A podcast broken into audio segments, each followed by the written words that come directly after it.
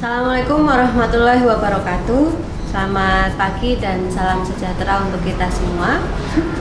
Kali ini kita akan membahas tentang Adlerian atau yang sering kita sebut sebagai psikologi individual. Uh, kita akan membahasnya uh, terkait dengan konseling dan kita sebut sebagai konseling Adlerian. Sebelum kita mempelajari tentang pendekatan konseling, tentunya kita harus mempelajari juga tentang riwayat hidup tokoh utamanya. Alfred Adler itu lahir di Wina dan meninggal di Skotlandia. Dia tujuh bersaudara, lima laki-laki dan dua perempuan. Dia anak ketiga. Masa kecilnya kurang bahagia, sakit-sakitan, dan pernah mengalami perasaan cemburu yang terlampau dalam terhadap adiknya dan menganggap bahwa ibunya lebih peduli dengan adiknya. Dia tidak begitu pandai, bahkan oleh salah satu gurunya di masa kecil dia diberitahu bahwa profesi yang pas dengannya adalah tukang sepatu. Dia sangat peduli dengan orang lain dan kisah hidup inilah yang memunculkan Adler menemukan teori tentang urutan kelahiran, tentang inferioritas, tentang gaya hidup, dan tentang interes sosial atau minat sosial. Konsep yang pertama yaitu tentang gaya hidup.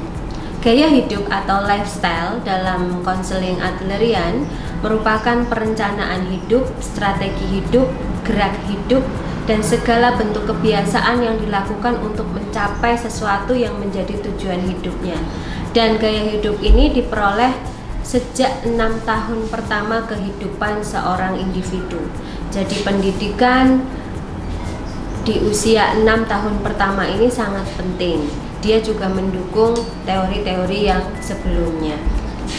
Yang kedua adalah konsep minat sosial. Konsep minat sosial ini merupakan kesadaran individu akan kedudukannya sebagai bagian dari masyarakat dan sikap seseorang dalam menangani dunia sosial. Adler menyamakan minat sosial atau interest sosial dengan rasa identifikasi dan empati melihat dari kacamata orang lain, mendengar dengan telinga orang lain, dan merasakan dengan perasaan hati orang lain, atau bisa disimpulkan sebagai empati, empati yang dalam. Kemudian konsep teori berikutnya tentang konstelasi keluarga atau urutan kelahiran. Adler mengembangkan beberapa teori tentang urutan kelahiran. Yang pertama anak sulung. Anak sulung menurutnya mendapatkan perhatian yang besar karena anak sulung adalah anak yang paling ditunggu-tunggu. Dia sedikit dimanjakan sebagai pusat perhatian, dia cenderung untuk bisa dipercaya dan bekerja keras serta berusaha untuk tetap berada di depan. Kemudian anak kedua, anak kedua adalah anak pada posisi yang berbeda. Dari saat dilahirkan, perhatian yang diterima sama-sama dinikmati dengan anak yang lain biasanya anak-anak kedua ini berlaku seperti dia selalu berlomba atau adu cepat dan selalu dalam keadaan penuh. Anak kedua mengembangkan siasat untuk mencari kelemahan kakaknya untuk selanjutnya maju dan mendapatkan sukses yang tidak bisa dicapai oleh kakaknya. Kemudian anak tengah, anak yang sering merasa tersingkirkan dia ada kemungkinan merasa yakin tentang ketidakadilan hidup dan merasa dicurigai. Orang ini bisa men bisa mengambil sikap kasihan pada diri sendiri dan bisa menjadi problem child. Kemudian anak bungsu. Anak bungsu selalu menjadi buah hati keluarga dan cenderung menjadi anak yang paling dimanja dan dia memiliki peranan yang sangat istimewa di dalam keluarga. Yang berikutnya adalah anak tunggal. Anak tunggal memiliki problemanya sendiri. Dia memiliki beberapa sifat seperti anak sulung. Dia tidak belajar berbagi atau bekerja sama dengan anak-anak yang lain. Dan tapi dia belajar bergaul dengan baik dengan orang dewasa. Anak tunggal biasanya dimanjakan oleh ibunya dan mungkin bisa sangat tergantung pada ibunya. Dia selalu menjadi pusat perhatian dan apabila kedudukan itu mendapat tantangan maka ia merasakannya sebagai ketidakadilan. Meskipun teori ini tidak selamanya benar terjadi pada diri manusia bahwa anak sulung pasti begini, anak bungsu pasti begitu. Tapi paling tidak ini menjadi dasar kita dalam mendidik anak kita, menjadi dasar kita dalam mendidik peserta didik di sekolah. Oh bagaimana saya memperlakukan anak-anak sesuai dengan kebutuhan mereka berdasarkan latar belakangnya di dalam keluarga. Kemudian asumsi tingkah laku bermasalah.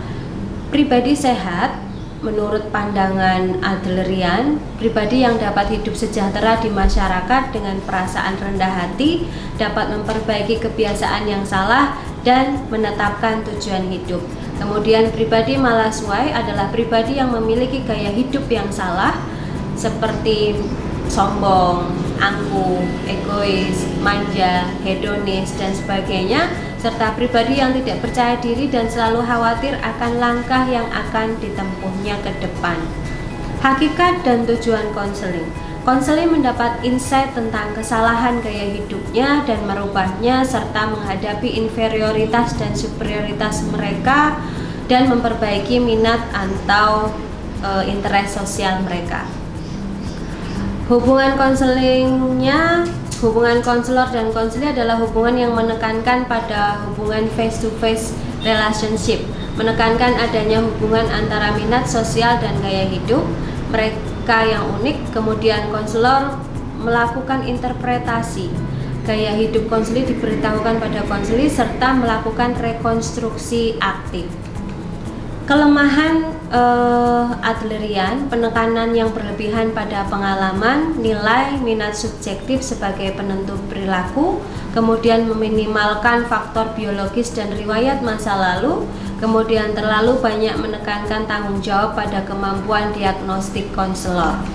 Kelebihannya, keyakinan yang optimis bahwa setiap orang dapat berubah, dapat mencapai sesuatu, dan arah evaluasi evolusi manusia selalu bersifat positif. Penekanan hubungan konseli sebagai suatu media untuk mengubah konseli. Kemudian menekankan bahwa masyarakat itu tidak sakit atau salah, tetapi yang sakit atau salah adalah manusianya. Kemudian menekankan bahwa kekuatan internal sebagai pendorong perilaku.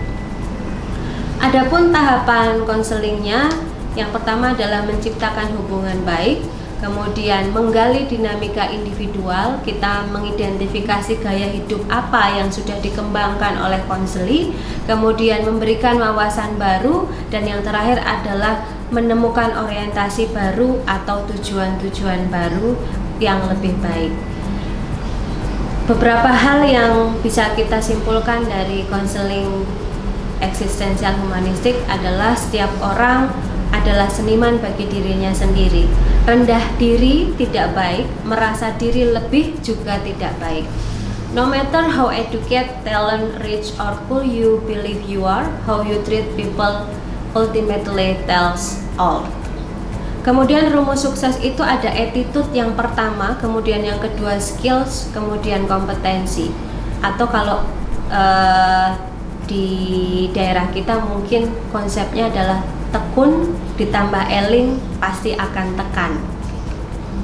Selamat merubah gaya hidup Anda yang masih salah sesuai. Belajarlah memperlakukan orang lain sebagaimana Anda ingin diperlakukan. Terima kasih.